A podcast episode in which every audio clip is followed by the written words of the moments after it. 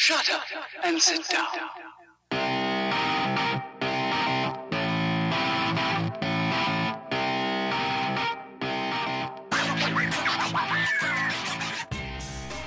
Halo, selamat datang lagi di The Business PS Podcast. Kali ini kita bakal ngebahas salah satu kelinci paling terkenal di dunia. Nah, menurut kalian, kelinci apaan tuh? Easter Bunny? no. Bugs Bunny? No. Jadi salah satu logo kelinci paling terkenal di dunia adalah Playboy. Yep, itu tuh majalah yang dewasa itu. Nah, kalau ada pacar yang pura-pura nggak tahu, wah apaan tuh? Putusin aja yang begituan, nggak jujur dia. Jadi biasanya orang itu ada yang tahu tentang Playboy, ada yang tahu tapi bohong. Nah, lebih baik milih yang mana. Playboy ini memang sangat-sangat kontroversial ya. Tapi Playboy ini penjualan terbesarnya itu ngejual lebih dari 7 juta kopi untuk satu majalah. Kebayang nggak? Mereka sempat ngejual 7 juta kopi majalah. Dan entah ya, apakah ada yang bisa lebih gede dari itu atau enggak. Tapi nih, walaupun terlihat, wah kalau jual majalah dewasa kayak gitu mungkin memang gampang lakunya jangan-jangan ya. Tapi pas awal-awal 2000-an itu Playboy kan ada di mana-mana tuh. Dari film, kafe, baju dan lain-lain ya. Tapi makin ke sini makin turun turun turun. Bahkan nih puncaknya pas si ownernya atau si orang yang ngediriinnya juga si Hugh Hefner itu meninggal itu tuh beneran ambruk seambruk-ambruknya. Bahkan penjualan majalah mereka itu hanya sekitar 4% dari apa yang biasanya mereka jual. Nah, kenapa ya kok bisa kayak gitu ya? Kita juga bakal ngebahas gimana mereka nih si Playboy ini bisa berubah dari majalah yang dipandang merendahkan wanita jadi berubah pendekatannya terhadap wanita. Hmm, berubah gimana nih maksudnya? Nah, oleh karena itu mari kita simak aja episode naik dan turunnya Playboy, sang majalah logo kelinci yang kontroversial.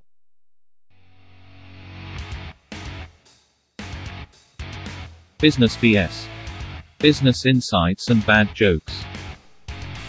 Untuk episode Playboy kali ini kita akan ngebaginya jadi beberapa bagian. Yang pertama ya sejarah singkat mengenai pendiriannya. Yang kedua adalah bagian meroketnya bisnis Playboy ini. Lalu yang berikutnya adalah bagian mereka mulai turunnya bisnis ini. Dan yang terakhir adalah bagaimana usaha mereka untuk rebound akhir-akhir ini. Dan perlu dicatat juga ya, ini walaupun ngomongin mengenai majalah yang sangat kontroversial, belum tentu mungkin teman-teman juga setuju sama bisnis mereka atau bisnis model mereka atau bahkan industri di mana mereka berada. Tapi ini bisa dilihat eh, sebagai pembelajaran karena biarpun bagaimanapun setuju atau tidak, bisnis mereka ini memang menarik walaupun tentunya kontroversial. Siapa tahu kita bisa mendapatkan beberapa insight yang menarik dari bagaimana mereka menjalankan bisnis. Oke, kita langsung saja mulai dari sejarah awal mereka.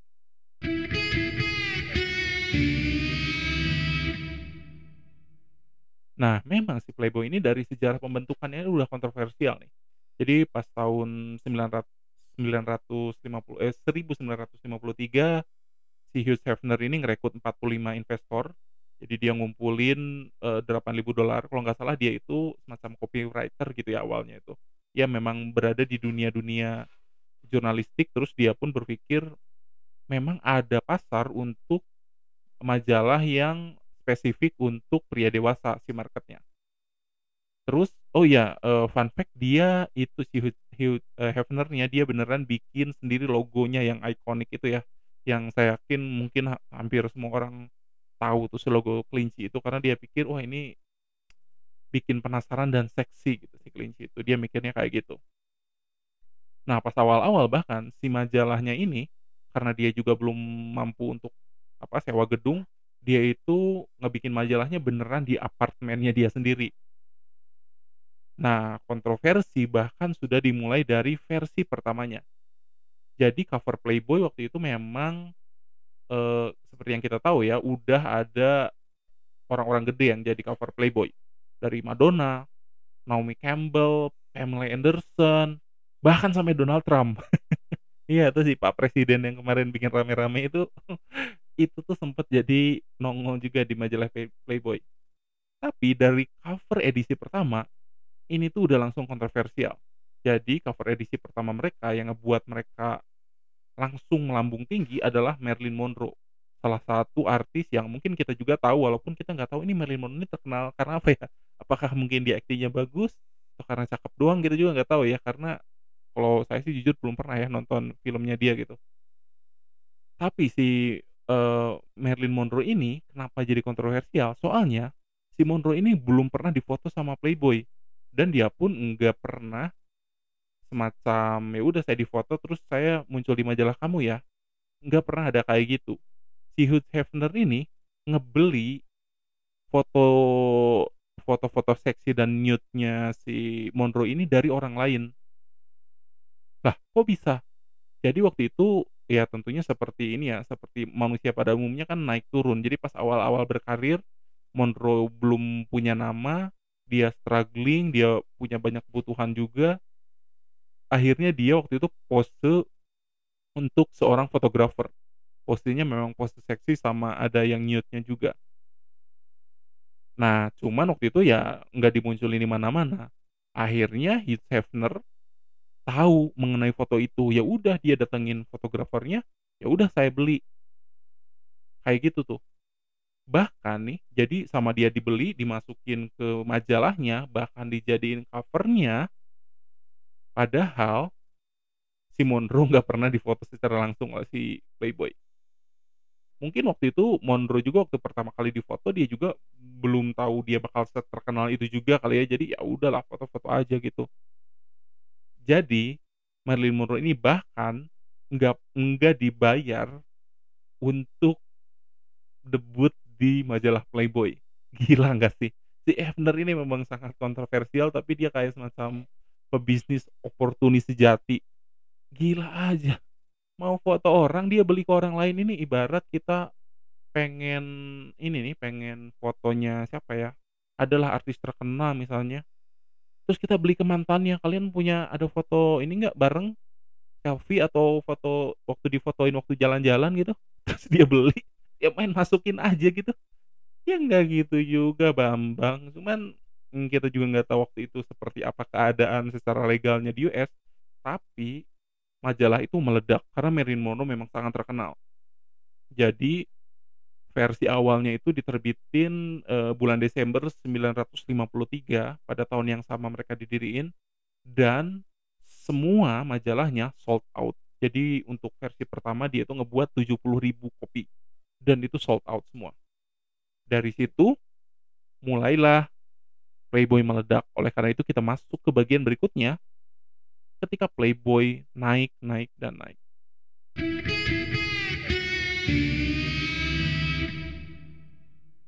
Sekarang kita bakal ngomongin mengapa majalah Playboy ini bisa begitu naik ketika di awal-awal berdiri. Setidaknya ada tiga faktor. Yang pertama, faktor pertama adalah karena kompetisi rendah. Jadi dia memang salah satu yang pertama nge apa majalah yang ngeprint secara berwarna karena ya waktu itu masih ada yang hitam putih juga gitu ya. Foto-foto dewasa yang menarget eh, pria dewasa. Jadi memang secara kompetisi waktu itu belum terlalu besar. Justru karena waktu itu banyak orang ngelihat Playboy ini membesar, akhirnya jadi banyak majalah-majalah lain sejenis yang mulai masuk waktu itu. Itu yang pertama. Faktor yang kedua adalah diferensiasi dia sebetulnya memang sangat unik. Jadi diferensiasinya jelas. Mungkin kita berpikir ya, ya kalau jual foto cewek seksi mah pasti terkenal. Enggak juga. Kenapa waktu itu banyak yang konsepnya sama, ada beberapa yang konsepnya sama, tetapi yang top of mind-nya malahan Playboy. Karena tentunya ada diferensiasi tertentu. Salah satu yang paling mencolok adalah dia punya konsep namanya Playmate. Jadi tiap bulan itu ada yang namanya Playmate of the Month.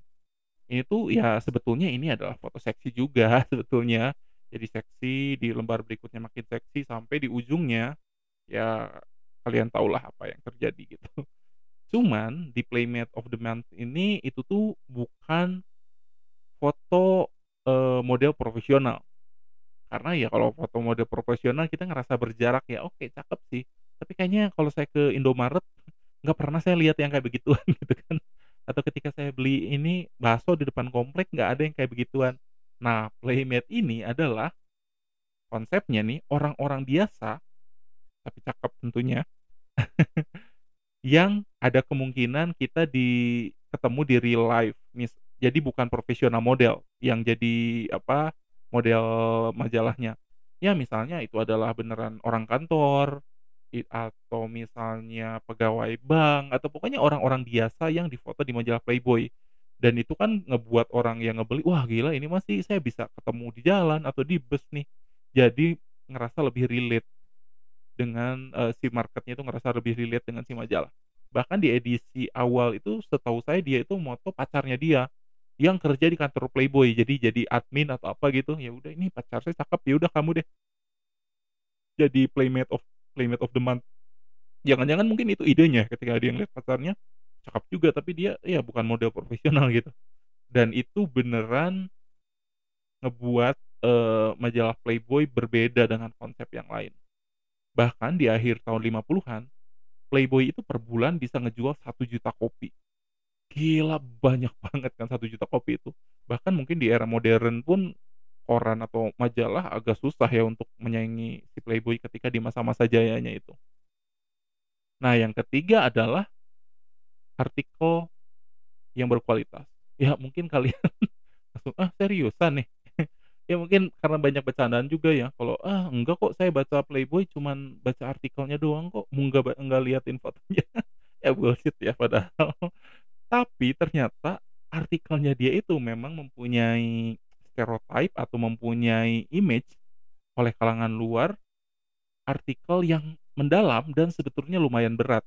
Jadi ya walaupun misalnya materi fotonya adalah materi dewasa kayak gitu, untuk si artikelnya sebetulnya dia dikerjakan dengan sangat serius dengan menggunakan, metode-metode jurnalisme.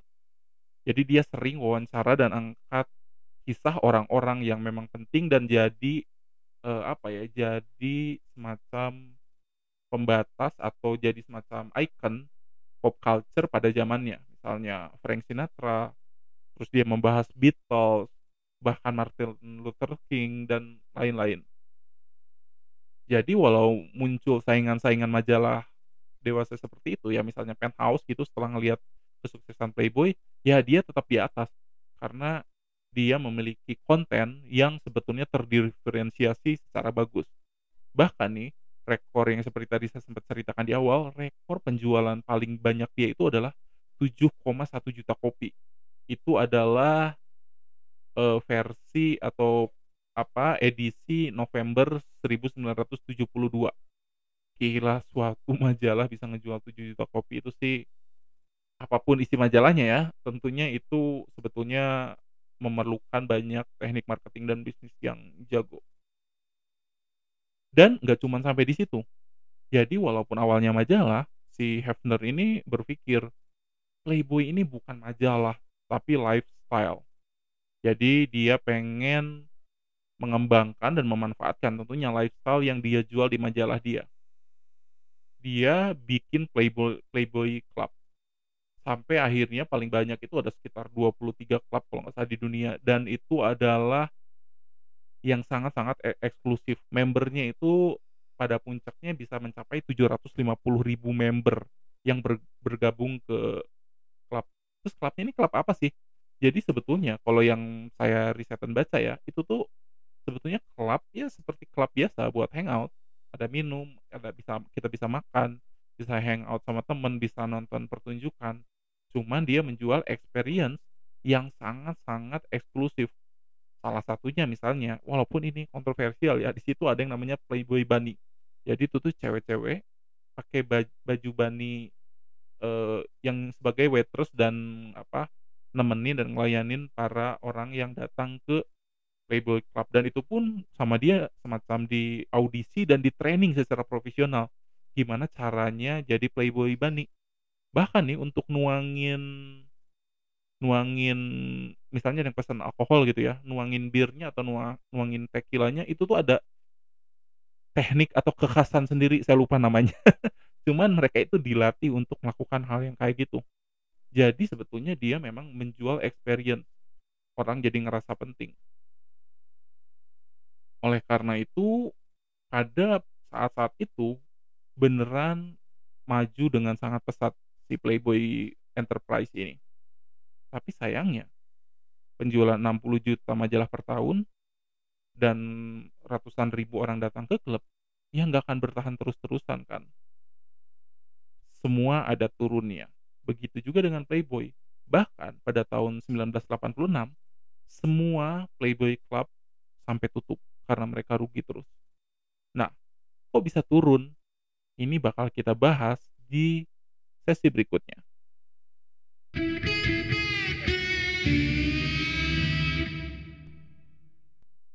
Sekarang kita masuk ke bagian mengapa bisnis yang banyak orang berpikir ini sih nggak perlu banyak ilmu bisnis dan marketing ya karena bisa terjual karena ya topik apa eh, topik dari majalahnya pun sudah kontroversial tapi banyak yang suka juga dan mereka rata-rata mau membayar dengan relatif lebih mahal. Tapi kok bisa tiba-tiba turun? Ada beberapa faktor. Yang pertama, ini adalah salah satu faktor paling besarnya adalah perubahan kultur sosial dan politis utamanya di US ya, karena itu adalah pasar utama mereka pada saat itu. Klub-klub atau majalah semacam ini banyak dipandang oleh banyak aktivis dan banyak warga. Ini dianggap hanya merendahkan dan mengeksploitasi perempuan. Oleh karena itu, yang tadinya misalnya orang bangga ketika jadi anggota klubnya, jadi agak malu karena dilihat oleh society sebagai merendahkan perempuan. Oleh karena itu, pasarnya pun jadi semakin turun. Dan selain itu, tentunya banyak juga aktivis-aktivis yang memprotes karena dianggap merendahkan wanita dan hanya mengeksploitasi wanita. Oleh karena itu, karena persepsi pasar dan masyarakat waktu itu menjadi lebih negatif, tentunya secara bisnis pun akan berpengaruh. Yang kedua adalah karena pada tahun 80-an ada kompetitor baru yang sangat susah dilawan oleh mereka, tapi ini bukan cuma Playboy tetapi industri majalah dewasa secara umum. Apa kompetitor itu? Ada yang bisa menebak? Kompetitor itu adalah video porn. Jadi karena waktu itu teknologi sudah semakin maju dan orang US sudah bisa menikmati uh, video tentunya dengan teknologi jadul ya. Tentunya ada industri porn yang maju. Jadi orang enggak ketika apa, eee, ingin melihat, eee, wanita yang seksi misalnya, nggak harus ke majalah, bahkan ada yang ke video, dan itu menjadi saingan berat mereka dan mereka kehajar sangat besar juga. Karena kan market yang direbutkan waktu itu adalah market yang sama. Sebelum saya riset dan mengenai, apa, topik kali ini, saya juga nggak kepikiran loh ternyata porn itu bisa beneran ngerusak satu pasar tertentu secara bisnis ya. Ternyata itu adalah pasar majalah dewasa. Dan nomor tiga kenapa mereka bisa turun adalah karena mereka enggak shifting, enggak berpindah secara online dengan cukup cepat. Kalau sekarang tentunya semuanya udah online, tapi mereka waktu itu ketinggalan sangat-sangat jauh oleh kompetitor mereka. Jadi ketika awal-awal ada internet, ketika orang mereka kan tetap juaranya ya si Playboy ini ya, top of mind-nya. Ketika mereka misalnya melakukan online search si market untuk nyari Playboy itu tuh ma malah masuk ke kompetitor-kompetitor mereka karena waktu itu Playboy belum berpikir bahwa internet bakal sebesar ini. Jadi ini apa menguntungkan kompetitor mereka macam Penthouse yang begitu-begitulah ya walaupun ketika Playboy akhirnya masuk dan membuat digital versionnya, sayangnya sudah terlambat karena pasar yang tadinya mereka sudah kuasai, minimal mereka jadi unggul di situ, top of mind, itu sudah terpecah-pecah dan mereka tidak bisa me apa, mempertahankan keunggulan yang mereka sebenarnya udah punya. Setelah melihat turunnya Playboy beneran saya berpikir ternyata di industri apa pun, ya sama aja, saling ngejual, mereka tetap butuh diferensiasi, butuh apa, melihat kompetitor yang bahkan kalau kita orang yang di luar industri nggak kepikiran ya, mana mana mana kepikiran gitu ternyata video porn itu tuh bisa ngerusak pasarnya Playboy, karena kalau kita nggak terlalu merhatiin juga gitu. Nah, seperti yang kita lihat memang ternyata faktor culture itu berpengaruh secara gede juga ya, seperti yang tadi kita udah bahas di, eee, faktor pertamanya. Oleh karena itu belum tentu produk yang sudah sangat laku ketika dimasukkan ke negara lain misalnya jadi laku juga. Misalnya ketika si Playboy ini masuk ke Indonesia, itu kan sempet rame banget ya waktu itu. Padahal setahu saya memang waktu itu dirancang oleh beberapa memang apa, wartawan yang profesional untuk bikin karya-karya jurnalistik selain foto-foto seksi, eee, ininya ya, apa, yang sebagai ciri khasnya mereka gitu. Tapi ternyata ketika masuk ke budaya Indonesia, itu beneran banyak yang protes ya walaupun yang paling keras adalah ini ya, salah satu organisasi yang kemarin ditutup ya. Tapi di Indonesia ini walaupun mungkin banyak yang suka-suka aja dan setuju-setuju aja, cuman mereka diam, kenapa? Karena secara culture, kita itu biasanya eee, ba bangsa Asia secara umum sih biasanya menghindari konflik dan juga sangat mementingkan apa yang dipikirkan orang lain terhadap diri kita sendiri. Jadi dia nggak bisa ngebela secara terang-terangan mengenai majalah Playboy, itu kan kebebasan berekspresi dan lain-lain selama tidak melanggar hukum kan misalnya boleh. Misalnya seperti itu, tapi secara culture itu agak susah terjadi. Dan mungkin Playboy luar ketika masuk ke Indonesia tidak terlalu memperhatikan masalah itu. Oleh karena itu jadi bisa dikatakan gagal masuk ke Indonesia. Walaupun yang bikin saya aneh sebetulnya kan banyak majalah-majalah lokal yang kayak gitu ya. Tapi kok mereka tetap bisa bertahan ya? Itu semacam apa, Maxim atau apa sih itu, Popular, itu saya nggak tahu mereka lokal atau luar sebetulnya. Cuman kan ada ada majalah-majalah sejenis kayak gitu tapi nggak rame. Ya saya kurang tahu ya apakah ini kompetisi atau seperti apa. Kita beneran nggak tahu. Tapi yang pasti culture memang memegang peranan penting. Nah, tapi setelah dihajar penurunan beberapa tahun belakangan, tentunya Playboy ingin berusaha rebound, berusaha bangkit lagi. Apa saja usaha-usaha mereka dan kayak gimana hasilnya, bakal kita bahas di sesi kita berikutnya.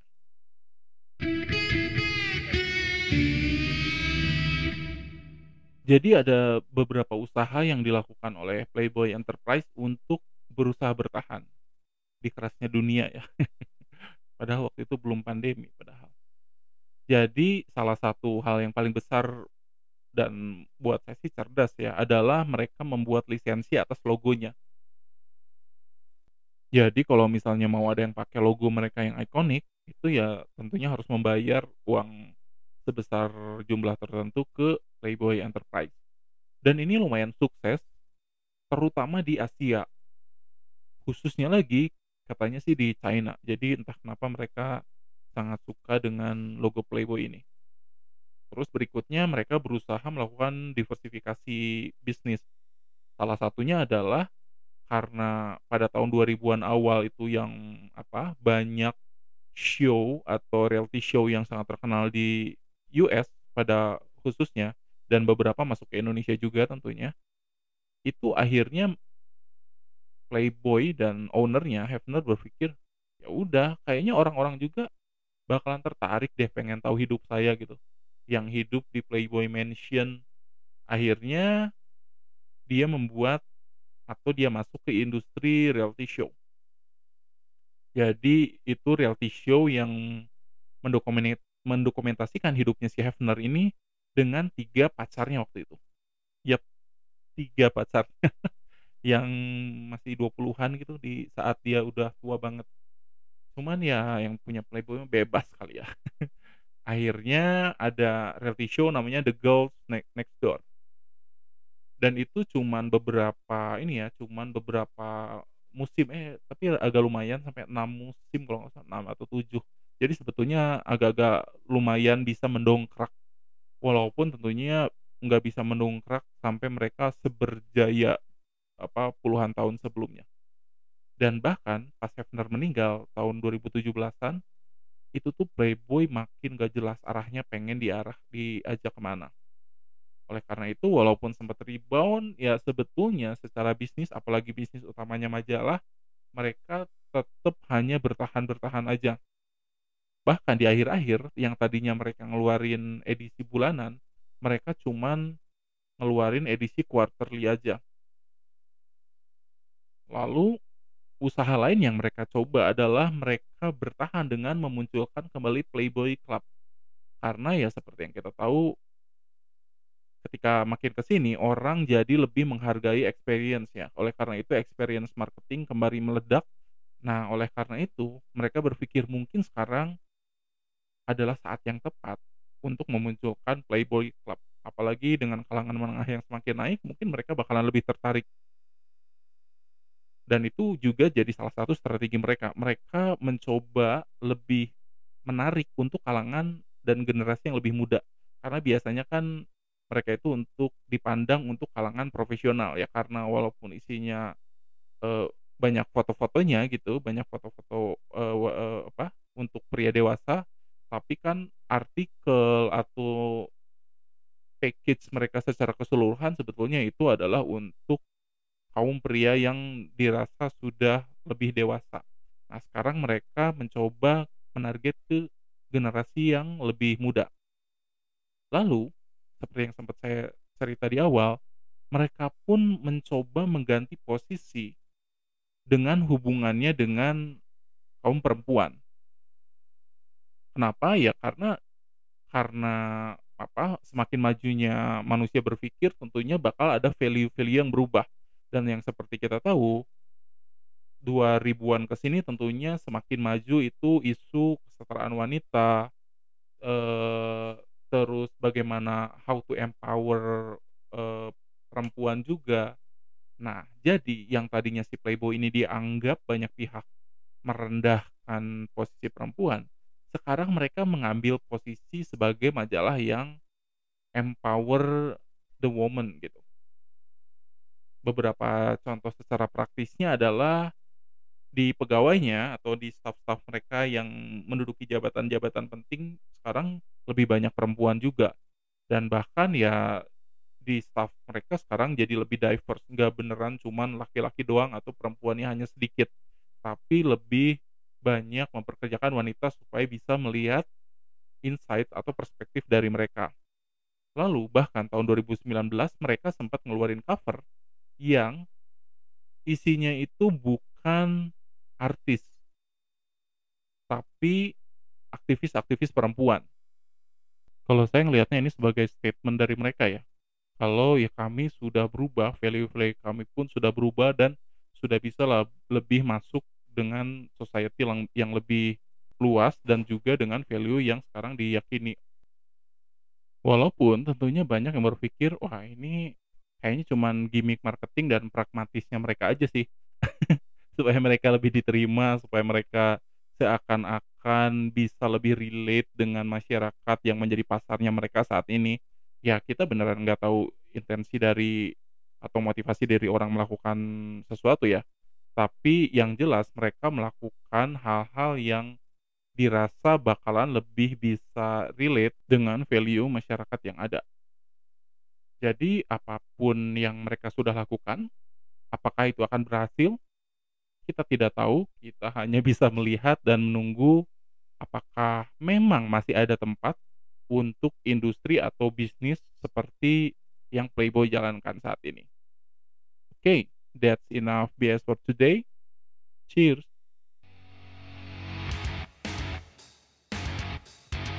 Business BS. Business insights and bad jokes.